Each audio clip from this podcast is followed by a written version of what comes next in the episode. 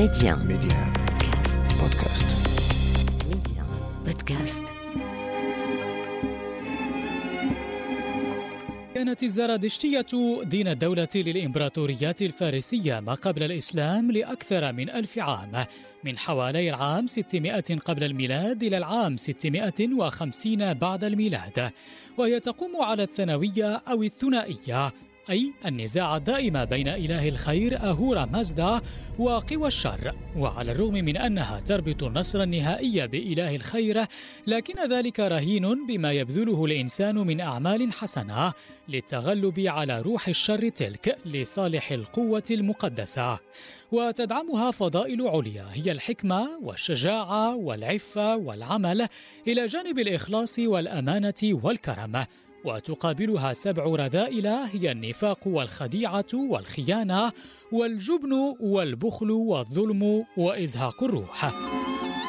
قد يذكركم الأمر بالخطايا السبع التي صاغها الشاعر الإيطالي دانتي أليغيري في مؤلفه الكوميديا الإلهية لكن الزرادشتية قد تفاجئكم بشعائر أخرى نتعرف عليها مع ضيفنا الأستاذ حسن المازوني أستاذ اللغة الفارسية بجامعة القاضي عياد بمراكش ومؤلف كتاب الثقافة الإسلامية بين المكونين العربي والفارسي إذا عدنا إلى نظام العبادات والتشريع عند الزرادشتيين فالزرادشتيون يعتقدون بأن زرادشت نبي ويؤمنون بوجود الثواب والعقاب في اليوم الآخر مع التركيز في معتقداتهم على بعض القيم الخلقية. وهنا نستحضر قول المرجع الديني الأعلى للزرادشتيين في إيران السيد رستم شاهزادي في الموضوع ما يقول. نحن نعتقد أن نبينا زرادشت كما نحن نعتقد بوحدانية الله فلا نعبد غيره. وعندما جاء زرادشت برسالته إلى البشر حاول نشر المبادئ الأساسية الثلاثة التالية. أولا الفكر والنية الحسنة. اثنان القول الحسن. ثالثا العمل الحسن. ويضيف صاحب القولة ونحن نعتقد أن الإنسان ومتى ما عمل بهذه المبادئ الثلاث فإنه سيعيش سعيدا في دنياه وآخرته. وأما أصول ديننا فهي ستة التوحيد الإيمان بنبوة زرادشت العمل الحسن والقول الحسن والنية الحسنة. رابعا بقاء الروح. خامسا وجود التواب والعقاب. سادسا المعاد في يوم القيامة.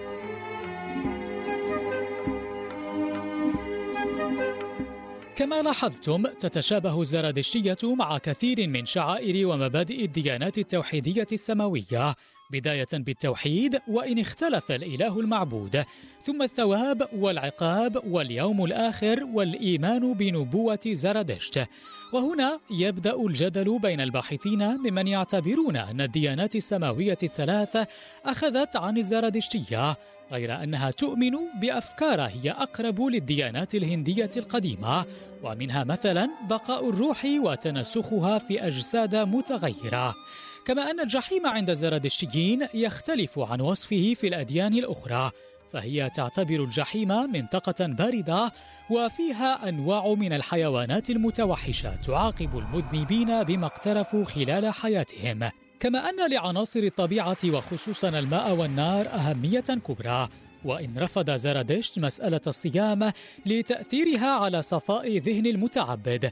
لكن ماذا عن الصلاة؟ أما عن صلاتهم وزيهم فلزرادشتيين صلوات خمس في اليوم وأخرى في المناسبات ولهم كذلك أزياء تقليدية يرتدونها ويحافظون عليها لأنها ترتبط بتراثهم الديني منها الخيط المقدس ومنها سترة وهي عبارة عن مريول يرتدونها منذ سن البلوغ. ويقول جفري بارندر واصفا هذه الأشياء للزرادشتية رموز تذكرهم بدينهم كجزء من زيهم اليومي. الرمز الأول الكوشتي وهو خيط مقدس به 72 خيطا. ترمز إلى أسفار ياسنا وهي تعقد وتربط مرات عديدة في اليوم. تعبيرا عن التصميم الديني والعزم والأخلاق معا. الرمز الثاني يرتدون قميصا صندار يرمز إلى الدين ويرتدي الكهنة أردية بيضاء ويضعون عمامة على الرأس وقناعا على الفم أثناء تأديتهم لبعض الطقوس ليتجنبوا تلويث النار المقدسة بأنفسهم. أما صلاتهم ومواقيتها فالمعلوم عندهم أنه هناك صلوات بعدد أقسام اليوم الخمسة كالصلاة مع غروب الشمس واحتفالات لجميع المناسبات الكبرى في الحياة في الميلاد والبلوغ والزواج وإنجاب الأبناء. ويتقدم المؤمنون واحدا واحدا إلى عتبة الغرفة حيث النار المقدسة بعد خلع أحذيتهم وغسل الأجزاء المكشوفة من أجسادهم. ويتلون صلاة الغاطة القديمة التي لا يعرفون معناها عموما لا هم ولا الكهنة الذين يحفظون في ذاكرتهم كثيرا من مقاطع الأفيستا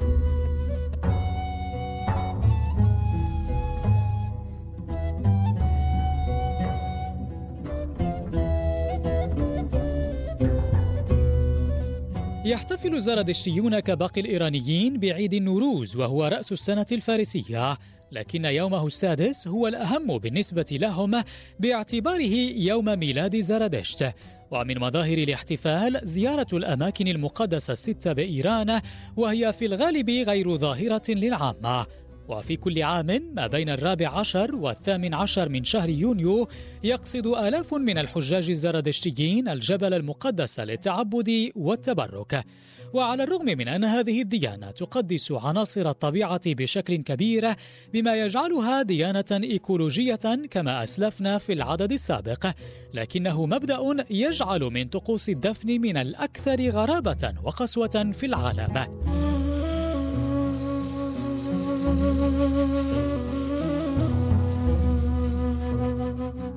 يفرض الكتاب المقدس الآفيستا التخلص الآمن من الجثث بحيث لا تلوث الجثة الخلق الجيد. وبالتالي يتم وضعها مكشوفة على سطوح ما يعرف بأبراج الصمت أو الضخمة. لتقتات منها الطيور الجارحة. على أن يتم جمع ما تبقى من عظام الميت من قبل رجال دين مؤهلين لهذا الأمر ووضعها في فجوة خاصة شرط عدم دفنها. يطبق هذا التقليد حاليا بشكل رئيسي من قبل المجتمعات الزرادشتية في الهند وخصوصا بمومباي التي فر إليها الزرادشتيون هربا من الاضطهاد في أزمنة سابقة. وفي الأماكن التي يكون فيها ذلك قانونيا أيضا كما تحرق بعض المجتمعات الزردشتية موتاها أيضا أو تدفنهم في قبور مغلقة للمحافظة على البيئة وتكيفا مع طبيعة المجتمعات الحاضنة كما تفيد تعاليم زرادشت